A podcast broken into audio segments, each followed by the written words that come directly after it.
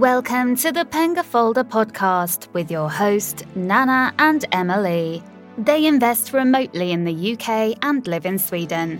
In this podcast, they will be interviewing interesting guests that all invest in the UK property market. Hi and welcome. How is it, Ian? Ah, it's good. It's good. Thank you. We're in the north of England, speaking to you from my bedroom because we're locked down at the moment. But I do a lot of work from here. I've got my computer. That's nice. That that I bet then uh, you're you're having like your your uh, pajamas. yeah, I will stand up. I will stand up in case you're videoing. so who is Ian? well, I'm uh, as I was, was, speaking earlier. I'm from from Hull. Um, grew up near Hull. I'm my background, my professional background is I'm an environmental health officer. Been in that um, trade for over 30 years now. Uh, however, I never really wanted to stick at local government because you give your, your whole life to it, retire with a pension, and you think, hang on a minute, I could have done more. So I got into housing. I currently run a, a letting agent with, with nearly 200 properties. I'm a significant landlord myself and um, I do some development. I'm just looking at doing something with uh, one of my relatives, a nephew who's keen on getting into it. I've got two of my children into it, two of them each own two houses themselves. And um, yeah, just doing things such as that.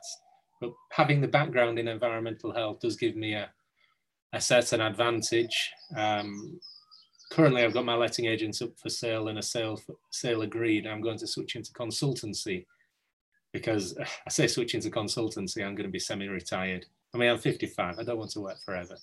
so, uh, so uh, I will be helping landlords, I suppose. I will be doing some training. I, I can train environmental health officers now in the system of inspection and risk assessment of their properties and various other things. I'm putting something together with the Chartered Institute of Environmental Health, who are, who are our regulating body, and they want me to do presentations for them. Currently, it's going to be online, but hopefully, I'll be meeting people again in the not too distant future because uh, I'm hoping, I'm hoping by the summer, we're like you in Sweden, cross over it all. Ho- hopefully, hopefully we can start meeting people. I'm I'm just looking yeah. forward to uh, coming back to the UK and networking, etc. So fingers crossed, like you mentioned. Well, have to meet up when you do. Definitely. have a coffee together. Go through some numbers. I like numbers. I have to like numbers if you're a housing person. I bet you do. So. So tell me, what's the difference between HMO and buy to let regulation for the listeners? Well, well, HMO is like buy to let with an added layer of regulation and a very thick layer, I have to say. Buy to let, you generally, most of the regulation is based on risk assessments using a system called the Housing Health and Safety Rating System. Now, when I teach this uh, to environmental health officers, it's a two day course with a gap in between the days and homework. And the homework consists of an inspection, preparing a report, and doing the risk assessment. So what you do with that is you look, you look at a house, you look at everything that's wrong with the house. That's what you call the defects, and then you risk assess them, uh, uh, having the effects of the defects on hazards, known hazards in the property, and then you apply a numerical score using guidance, using previous examples where it's been validated. And then uh, the numbers, as we mentioned, the numbers count and the numbers reflect how serious the, um, the defect, the hazard is. And this is how you can compare, compare defects such as defects that affect your health, like falling down the stairs, falling out of windows, to fire, to keeping warm, to the fear of being burgled, how you can compare all of those together. And there's a lot of detail in there, but that's basically as it is. HMOs, HMOs, they're by nature a different animal. They're, you've got communal living in HMOs. And because of that, you've got higher standards and higher standards of regulation because things there are greater risks in HMOs. I mean, as I, when I give my course, I compare. I use my family as a comparison of my house. So in my house, it's I'm an owner occupier. I own my I own my house, um, but I you've got a structure in a family. We cook once and eat together for the evening meal. Um, at night time, I make sure the doors are locked. If there's a fire, I actually have a been a bit nerdy on this. I've got an automatic fire detection system in the house, which is a bit more than you need. I've interlinked everything, but I quite like doing that. I'm practical. I I own a building company as well. I do lots of renovations, so I like to get to grips with these things. And um, because of that, the, you've got two elements. You've got the the if there's a likelihood of something happening, it's reduced because of the the way you live in the house if something like fire does happen, the the harm, the likely harm is reduced as well because you've got greater chance of getting out. Now compare that to a, a HMO. You've got communal living, you've got individuals that might have something in common, but they're not family. So there might be a group of friends or a group of students, but there might be individuals who've just come from different places, different walks of life, rent a room together, we've got a lock on the door, and they share the kitchen, they share the bathrooms, and they've got very little to do with each other. Well, you, then you've got more use of facilities. You might have five people cooking individually in, in the kitchen. You might have different people operating different shifts, doing different cooking. Somebody might be using it when others are asleep. And if they have a fire, do they know where everybody is? This is where you've got the um, greater regulation that's deemed necessary because of the increased risk in a HMO. And then there's the way the regulation is applied. Housing regulation is what's called strict liability. You have no defense to say you never knew. It's up to you as the landlord or letting agent to some extent to be aware of your responsibilities.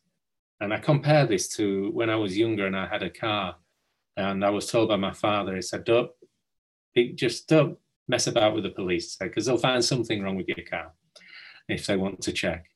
You can, I guarantee I could go into your home and I could find something wrong with it. It's just a question of what. Yeah. So you've got to check it yourself, make sure. There are some things that are absolute um, in family lets, as I like to call them. You need an alarm, a smoke alarm on every floor you need a carbon monoxide alarm where there is a solid fuel appliance in a kitchen in a sorry in a living room and bedroom these are just specific regulations um, you you need heating systems in it etc etc there's some absolutes but other things are risk assessed and there you look towards guidance you look towards increasing your knowledge strongly recommend you join an association and you become accredited and to maintain the accreditation the, the good associations require some degree of training because the law is changing. The law is changing frequently, too frequently. We have a conservative government in, and I, I the, the right wing in the UK, and they have increased regulation of housing so much. I thought they would do the reverse, but no. Nope. generally good reason, but um, it's, it brings more responsibility onto landlords. You, you need to know what you are doing or know somebody who does. So, even people that are doing standard buy to let, should they be in contact with the people like you then uh, before purchasing a property just to see what the, uh, to expect of them? Or is it just when you're doing maybe HMOs? I would recommend for all of them. And it, it, I'm not trying to sell myself, but there's you contact the council, you get your own training, um, because the more you do, the more you reduce the risk. Because there's a lot of risk. There's a phrase, a legal phrase, caveat emptor, buyer beware.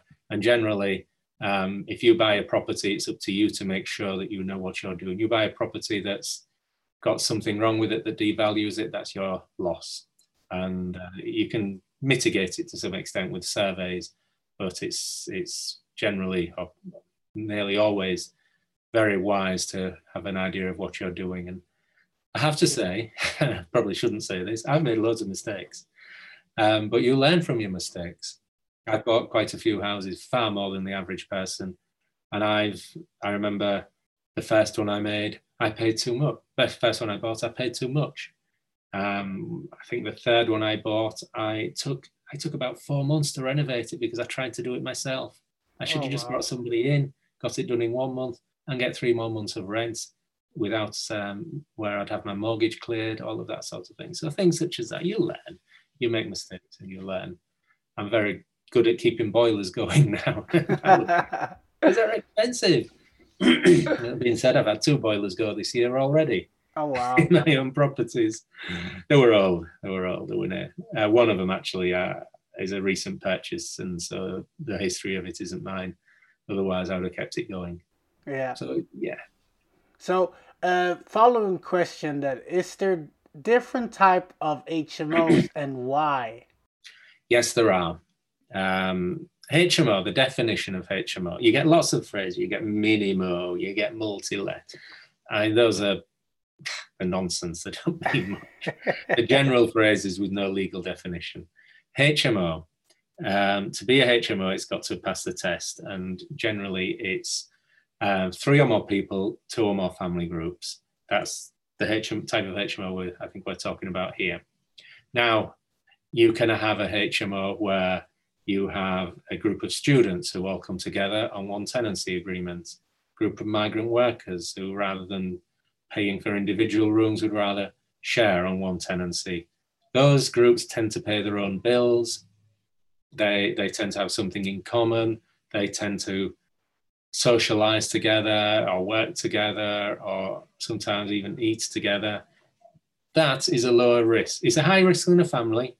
It's a lower risk than um, what I call a bedsit type HMOs, where you've not got um, where the, where the people don't know each other when they come in, where you've got individual tenancies.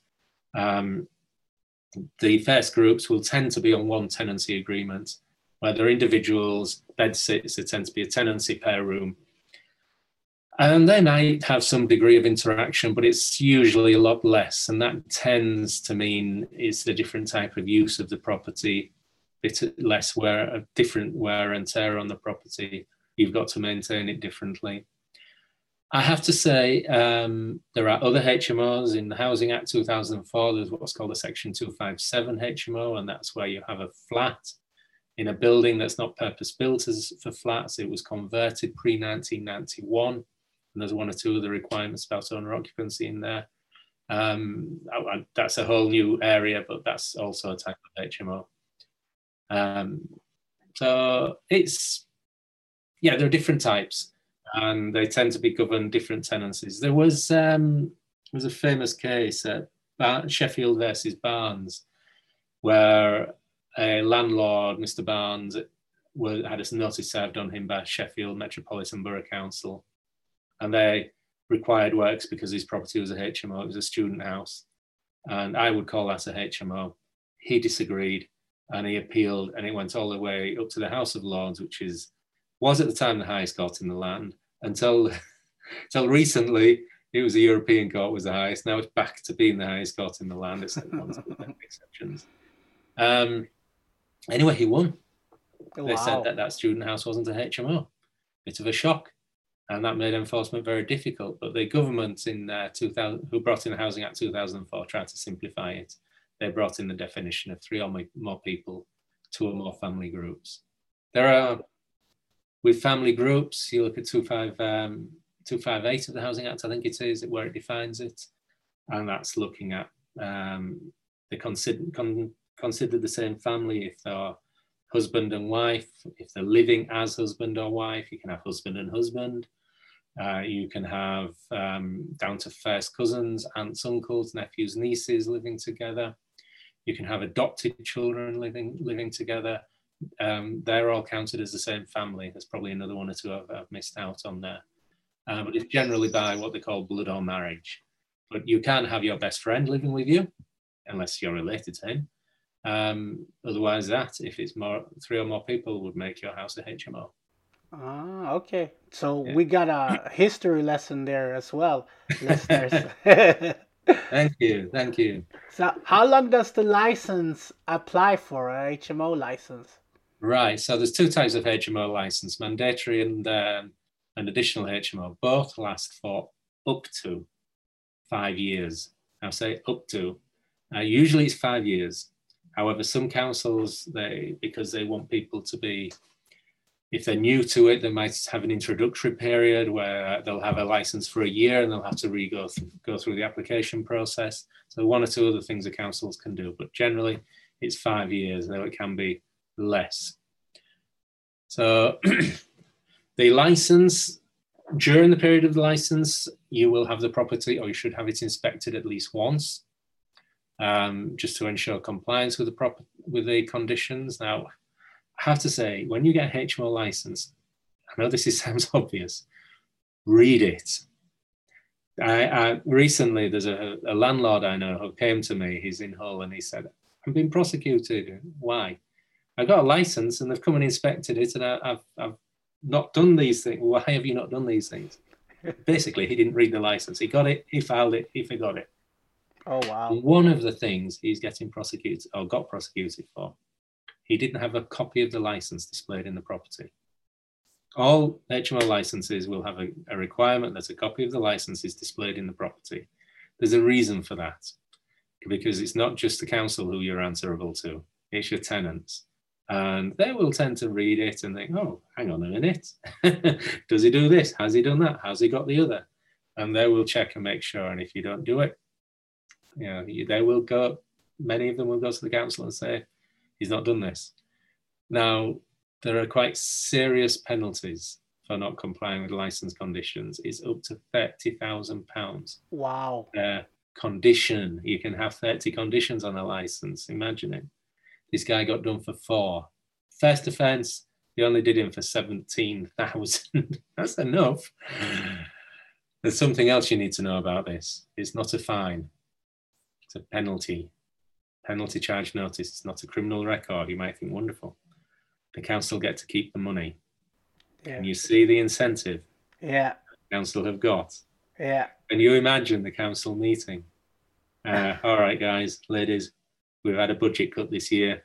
I'm going to have to let one or two of you go unless you can get some more of these licenses inspected and find some some conditions have not complied with. Get the penalty charge notices out. So be careful.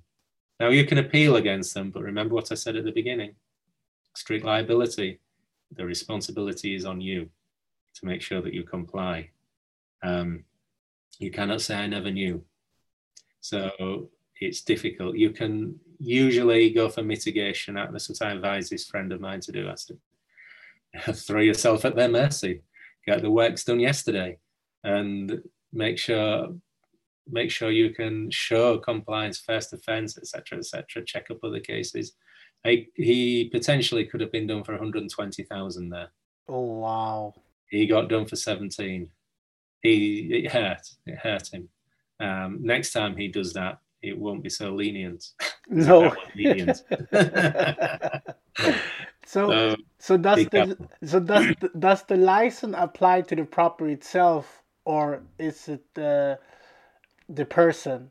Right, an important point that because um, the license goes with the person. Okay, so if you as a person, if you buy a HMO that's licensed, you don't get the license. You need to license it. Now, there is a, an offence for not uh, for operating a property that needs a license if you do not have the authority of a license.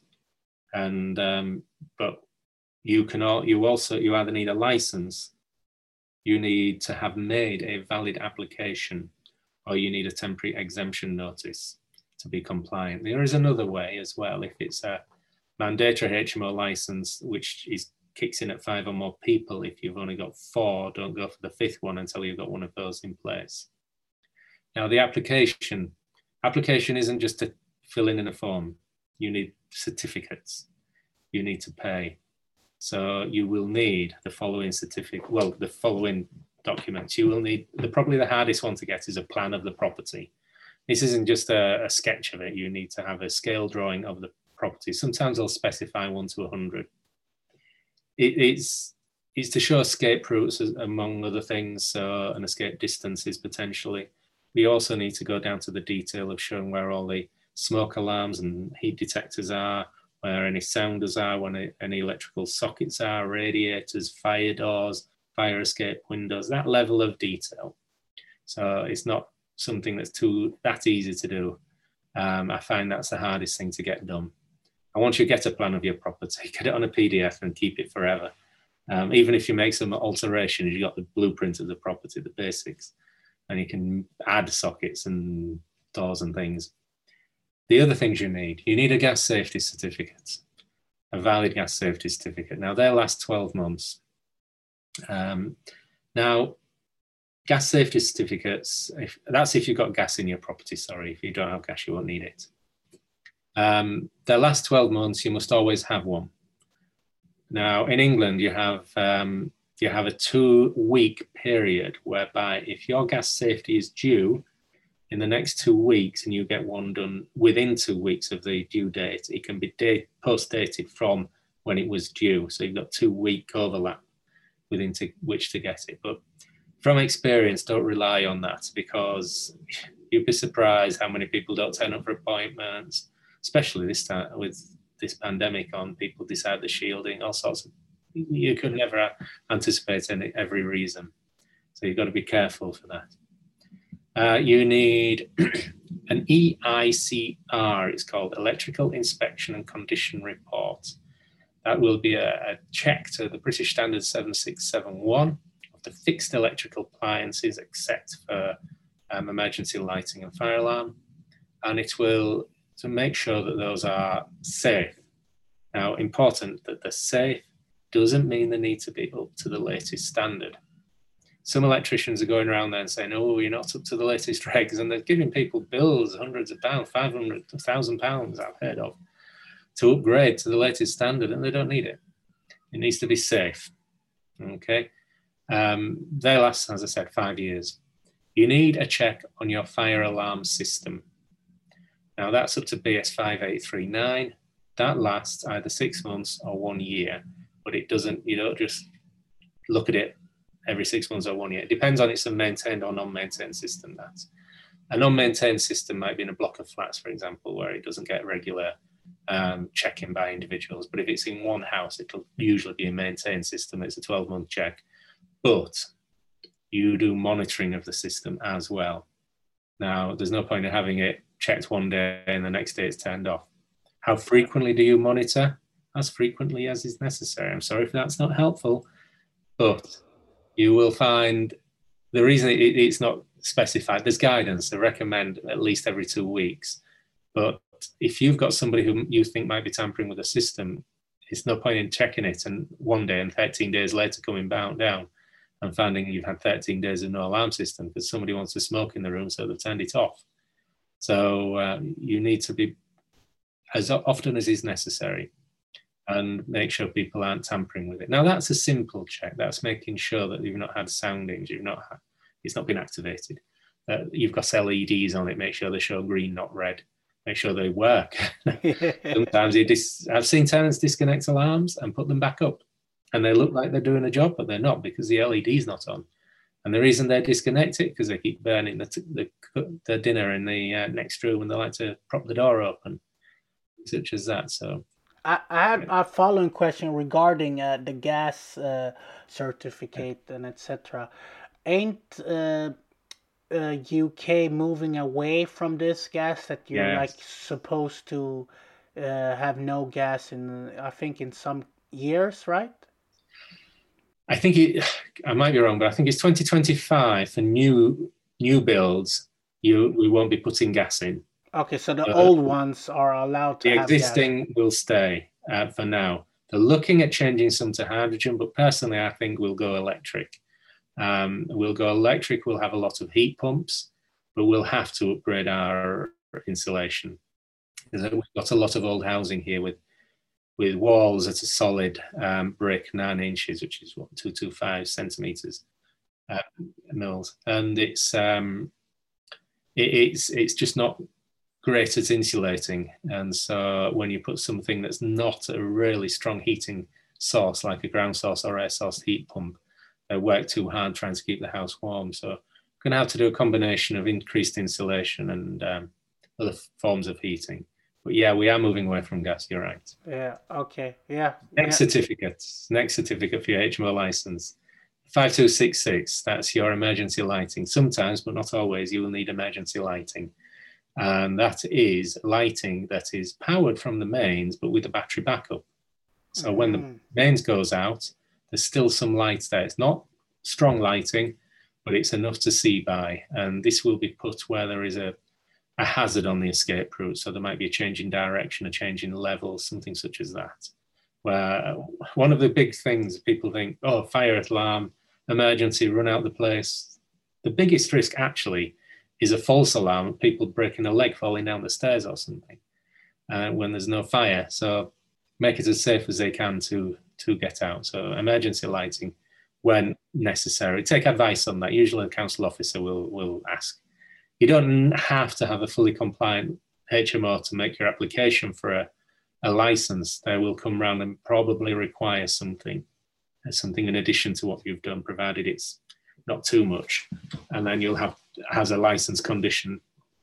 So get all these certificates. So you've got your plan, you've got your gas safety, EICR, BS that's on your fixed electric, um, 767, yeah, that's B7671, your 5839 on your alarm system, your 5266 on your emergency lighting. You could also need a PAT test, which is a portable appliance test. That's anything that basically can move, fridges, you know, anything with a socket, plug into an electrical socket, more or less. Make, make sure that they're safe. That's not a standard condition, but it's often required. But get all of those certificates together, make your application, they're usually online, and then before, if you're buying a property, go through the application process before you buy. Make sure you're familiar with it, you know all these things, and then rubber stamp it effectively with a payment. Once you've provided all this information, filled in the application, made the payment, you have made a, a proper application, provided you've not lied or anything, any big mistakes then you're protected from not having a HMO license. Otherwise, it's an unlimited, potentially unlimited fine. And then your tenants can claim the rent back. oh wow. No, the, the thing people do usually do is what I see is very wrong is that they buy the property first and then they apply for for the license. They they should do the the other way around if if that's possible i guess. You, you need to prepare. You can make the application but you can do it on day one. But i recommend that you you have a dry run. You get your, your certificates everything ready and, and like i say have a go at the license before you buy and then when you buy make the application once you've made a valid application um, you're okay uh, you should get a license issued in due course generally it's within a year but I have to say, I think I'm setting a record for um, the length of time the council has taken to issue a license. I've frightened them. They've um, one we manage. I've challenged them, and I know they're wrong. That's why I've challenged. And I'll tell you what I've challenged them on: its occupancy. An eight-bed HMO. Um, it's got four rooms. I think it is that a potentially double. Maximum occupancy of ten they they wanted us to limit it to eight people, one person per room. I said, no, I want four rooms as double, four rooms as single, which gives us an occupancy of 12 potentially, but cap it at 10 because that's what the facilities limit it at. Simple. And um, they seem to have got that wrong, so they don't know what to do. Just admit you don't know. Listen to me. Give me the license. Uh, there are I'm, I'm protected from any prosecution because the application is accepted and valid. But there is a, a government mistake with HMO licensing that I think you're dealing with politicians with this often, and they don't know what they're doing sometimes. You cannot enforce one of the types of eviction notices without a valid um, HMO license. So a Section 21 notice won't work without. So good to get the license. So you mentioned the mandatory and the additional yeah. license. So what yeah. is uh, selective licensing? Okay, I'll go through all three. Mandatory license, HMO licenses are where you have five or more people in a property who are not all related. Um, if you've got fewer than five, so four or three, it can still be a HMO, but um, it wouldn't fall under mandatory HMO licensing. You are still subject to HMO management regulations, which will require most of the things.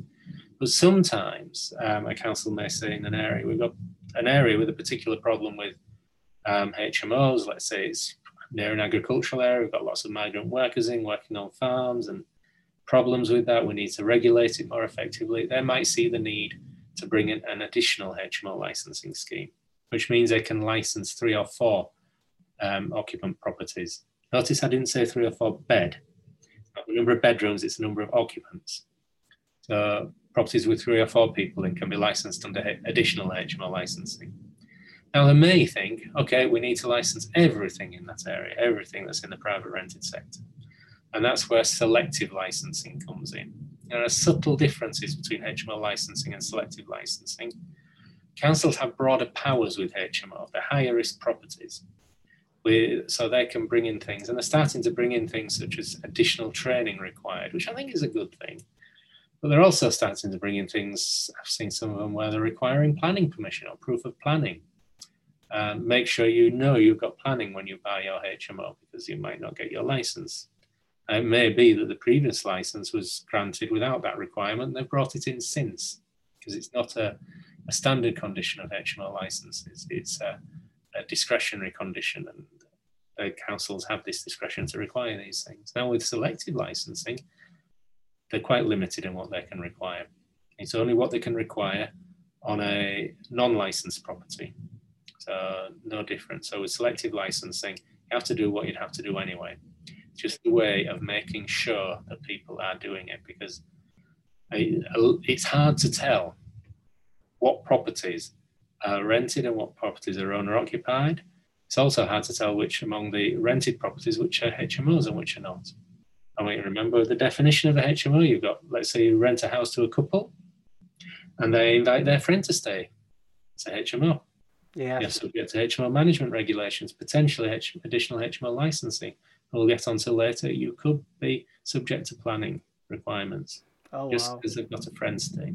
Remember, David Howard said he had a house with two teachers sharing, Yeah. and then one two female teachers, and one of these female teachers became pregnant. Well, suddenly that was going to be a HMO because they weren't related, those two teachers. That was going to be three. By the way, the baby doesn't count till it's one years old. Uh-huh. one year after birth, he needs it's a HMO. So unfortunately, he had to change the occupancy, which is life, and it's one of the downsides of regulation. yeah. So what information will be required for an HMO license then? Okay, you when you make your license application, they will ask you various questions. So there's your personal details, name, address, national get national insurance number, get your date of birth. Um, this is so that you can be traced if necessary. They'll want to know if you've got any other HMO licenses in other areas. They might want to check, make sure you've not got any problems in the areas, housing related problems. They'll want to know if you've been convicted of any um, criminal offences, any specific criminal offences. So they'll will check you for they'll they'll ask you to make a declar- declaration usually, but they can do what's called a DBS data barring service check, and that will be a check on your criminal history. So they will check. They're not interested in things like a speeding ticket or driving, but they're interested in things like fraud, violence, housing act offences, sexual offences. You're dealing with potentially vulnerable people in these houses. They want to know that you're not going to, you're not likely to take advantage of them. Um, that doesn't stop you from owning a property. If you've got these offences, you cannot manage the property. So they, they will want that up front. Um, sometimes uh, there's a company who owns it. They'll, they'll do a check on the directors as well. Like I just mentioned, there's a might be a managing agent who want to check on the managing agent, make sure he or she hasn't got any of these offences in their history, and um, and you can have situations where there's a husband, wife, and the husband. Uh, one guy I know who, when he was a young lad, he got into trouble with the police. He, he'd gone out with the wrong type of people, got drunk, got into a fight, got done for assault, and he couldn't he couldn't manage the property, but his wife could. So it was okay. Uh, so things like that, you, it can catch people out because this guy was 40 odd years old. He's a really good guy, a builder, excellent property, but he just had this blemish on his uh, on his record.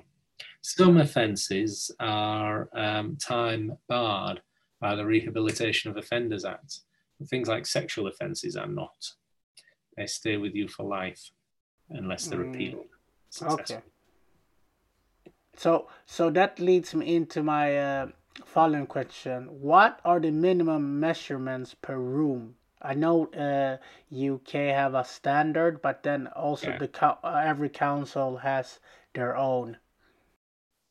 Yes, um, there, there's some regulations came out 2017, I think it was. It came out set the minimum standard 6.52 square meters for a, a bedroom as a minimum size. That's if there is a communal room. Otherwise, it's 10.22. This is off the top of my head. um, and there is a, a, smaller measurement for a child um, under 15 of 4.61, but um, you don't want, personally, I don't like children in HMOs because you're sharing facilities with people who might not be related to or might not know. So you've got to be careful there.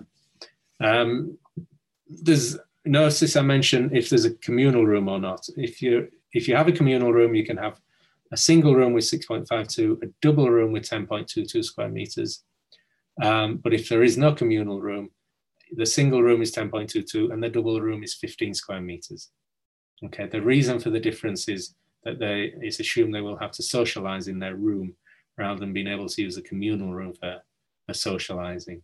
Um, councils do have now some discretion to vary this, which is very annoying because if there's an oversupply of rooms in the area, they might say, okay, we'll give the tenants more.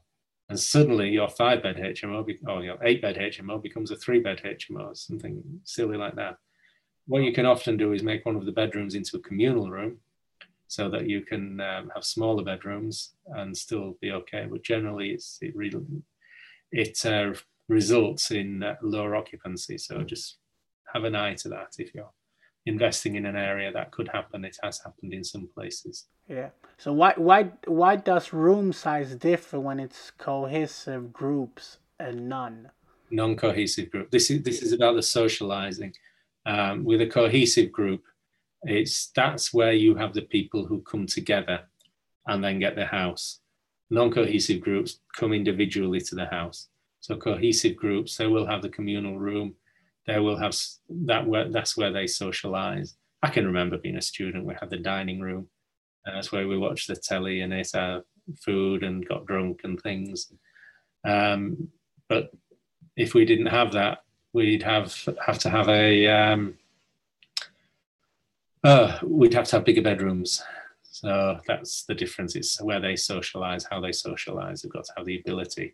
It's good for their mental health, good for their happiness and their well-being.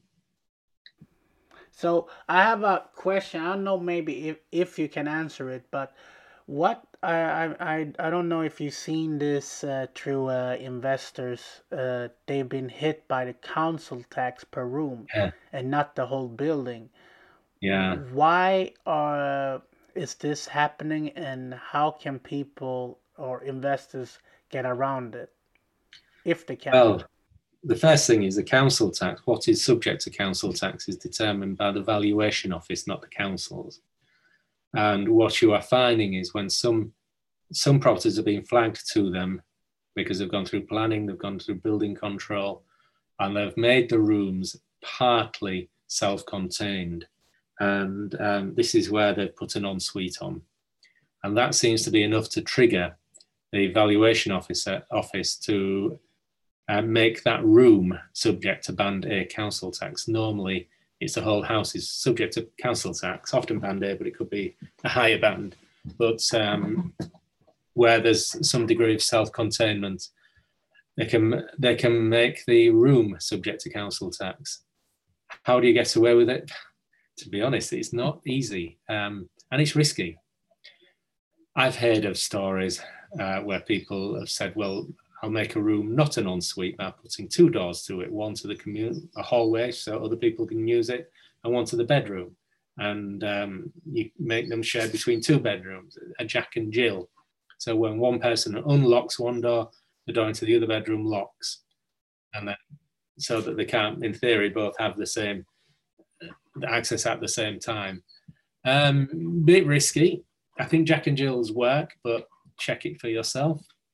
And then um, there's been others where people have uh, some tried to introduce some degree of sharing into the um, into the, the these uh, bathrooms, but you have a bit of a, a contradiction here because you are being penalised for raising the standard.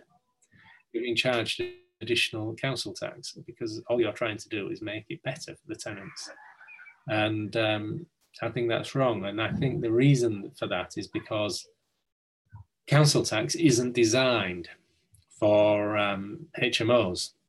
Personally, I think there needs to be a, a, different type of council tax for HMOs, but that may, may be an excuse for councils to charge them even more money. Um, we do sometimes have it quite good because I've seen HMOs where there's eight rooms, 10 people, one band A council tax, and that's cheap. Um, but that being said, council tax is to cover various services, many of which a HMO won't need. So it's things like um, care services for elderly, things like um, schools is a big one because you, don't have, tend to have children in HMOs that need schooling. So it's it's I I predict in the next ten years there'll be some change on that front, and they will will try to make it more designed for the purpose it's fulfilling. But at the moment, it doesn't. So investors should be careful then. Uh, yes, yeah. be careful. And I've heard of people getting away with it. I don't know if they can be backdated, any council tax bills, but councils are always after money. And you run the risk of them coming back and giving you a big bill and you're trying to justify not paying it. So, could you explain uh, Article 4 that you mentioned before for the listeners? Uh, not not fully, because it's quite a big and complex thing. With HMOs, certainly. Um, when you operate a HMO, a house, a normal family house, you are under a planning use class known as C3. If you have up, you can you can have up to six people in that house who are not related. It's the same use class C3. If you go over six people, you need a different planning consent, and that's what's called sui generis. Now, other than that, you don't need any planning permissions to run a HMO, except where you have what's called an Article 4 area. And councils have brought in these Article 4 areas. And it covers it's conservation really, and but um, it covers other things, including it brings in another use class known as C4.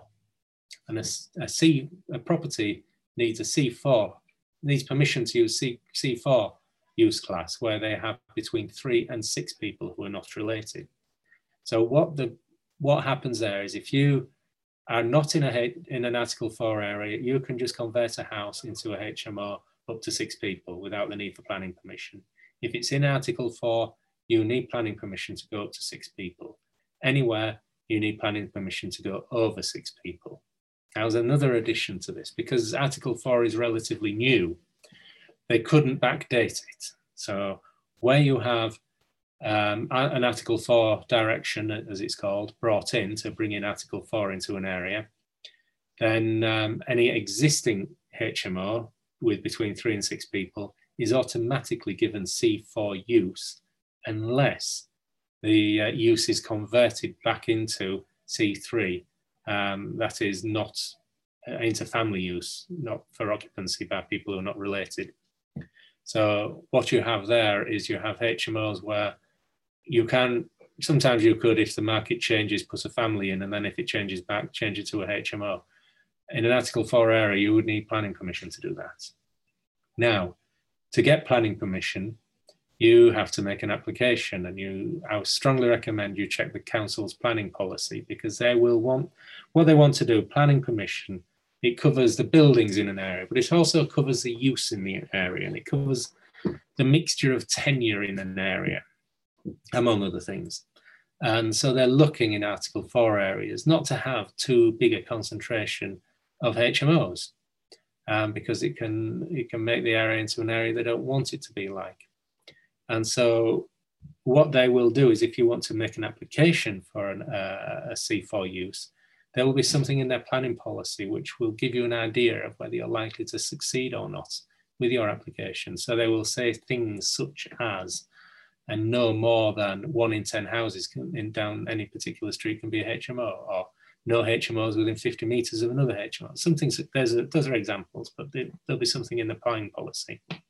So if you want to buy a, a property and convert it into a HMO and you need that C4 use, then you will, I strongly recommend you either get a planning consultant or you, you become one yourself effectively because it's quite hard. Read their planning policy and see what restrictions they have. Word of warning, unlike HMO licensing, planning is fairly subjective. HMO licensing, you meet the conditions, you get the license. Planning, they ask people. Mm. Nobody living in an area wants a property nearby to be a HMO. They all assume there will be bad properties. You will get objections, you just will. Uh, a further word of warning you buy a property that's got that's being used as a HMO and you want to use it as a HMO, I strongly recommend you establish the planning before you buy it. The reason is because so many of these properties are operating what they call it granddad rights or established use. So established use is only really valid if you can demonstrate it. So if you can demonstrate that your property has had C4 use since Article 4 came in, go for a certificate of lawful use, um, or the owner should. And that means you've formalized it. You have C4 use. You're not just assuming it and defending it because you'll need to show things, you'll need to show that use and unbroken use since Article 4 came in. So you need to have things such as council tax records, tenancy agreements, that sort of, maybe HMO licenses can help contribute to it. Otherwise, you might be buying an expensive family let, very compliant family let. and don't, don't ask the HMO officer for planning advice because they often don't know. I it's not intended to be do, too disrespectful, but I've seen something, I've heard them say things, and I think that's not correct. And it's your money. You could lose a lot of money here. You could. You you you find there are some councils, particularly big ones, where the different departments have nothing to do with each other, and you'll find that sometimes the um, the environmental health officer you go to for HMO licensing advice. They'll give you everything you need to do. And then you, you think, great. And you buy the property, you go through all the hoops, and then the planning say, uh, you need permission. And if you don't have permission, you can't use it. Not for that use. So be very careful, very careful. okay, yeah. So you, I think, I think you answered it very well. Now, now we have come to my uh, fun questions. so the the uh, first question is: If you have unlimited funds, who would you have as a mentor? I'd have to go for the sage of Wall Street, Warren Buffett.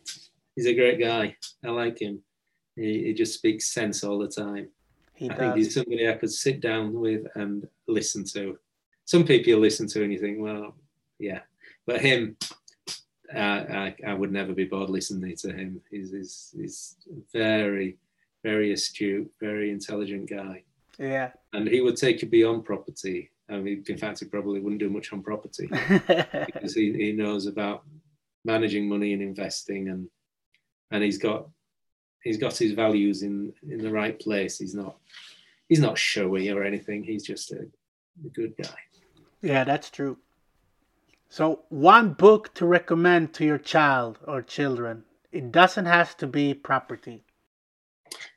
Right. So something I'm very keen on is um, in, in, business, in management, and I tell people this, and I see people making mistakes on it all the time. It's how to manage your money. Because it's about managing money. I see so many landlords who are skint or they they've bought bad investments or they, they treat their property as a wage and they don't save up. And then they, as soon as something goes wrong, they're in trouble. Um, it would be Rich Dad Poor Dad, the, the uh, Robert uh, Kiyosaki, that's the correct pronunciation, books. Um, I, I, think it's um, an embellished book. It's not exactly based entirely on fact, but the the philosophy is absolutely sound. And um, I've actually bought it for my kids, and I believe they've read it.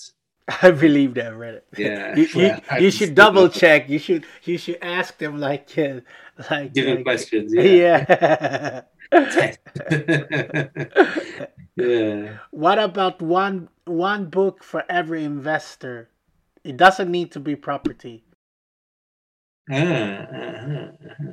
Napoleon Hill, uh, How to Make Friends and Influence People. Great book. Yeah, yeah, and and and it stood the test of time. It's uh, uh, something such as that.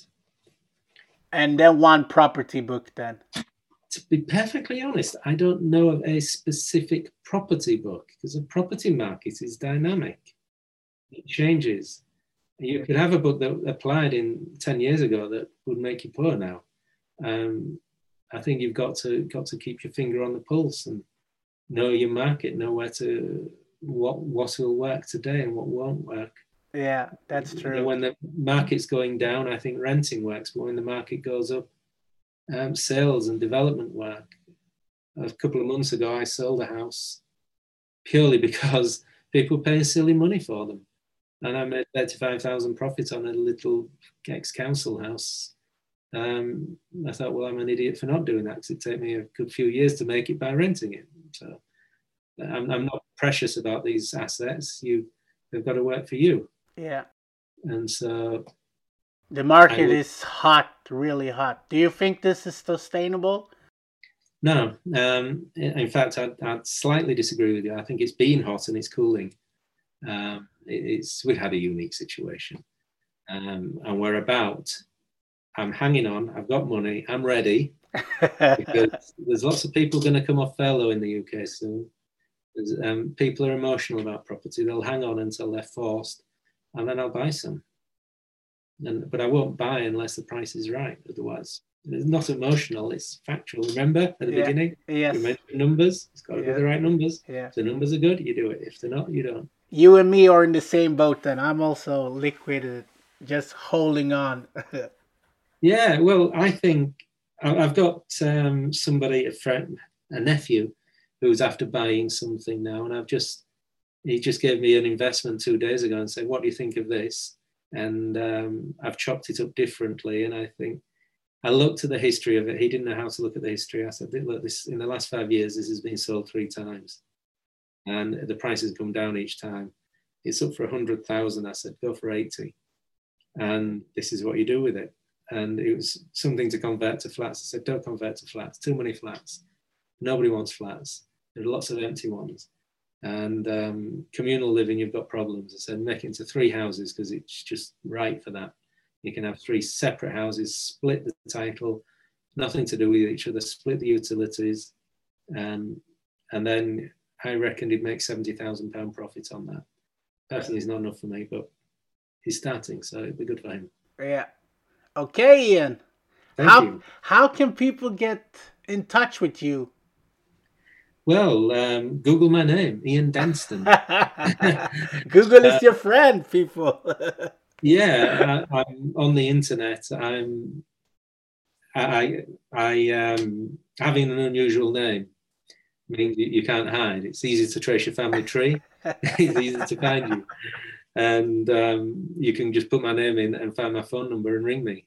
Okay, it's as easy as that. Or find my email address and ring me. Or find that in um, 2007, I used to work for North Lincolnshire Council, and they still have me down as working for them. but, uh, don't, don't ring that one; it won't work. no. There you have it, people. Ian Denstone. Thank yeah. you very much for being on the Pengaflödet podcast, and hopefully we'll meet when this is over and we can have a chat and a coffee. Yeah, I'll buy you a coffee. You come to Hull, I'll buy you a coffee, we'll have a good chat. People, don't be stressed. Invest. Bye. Bye.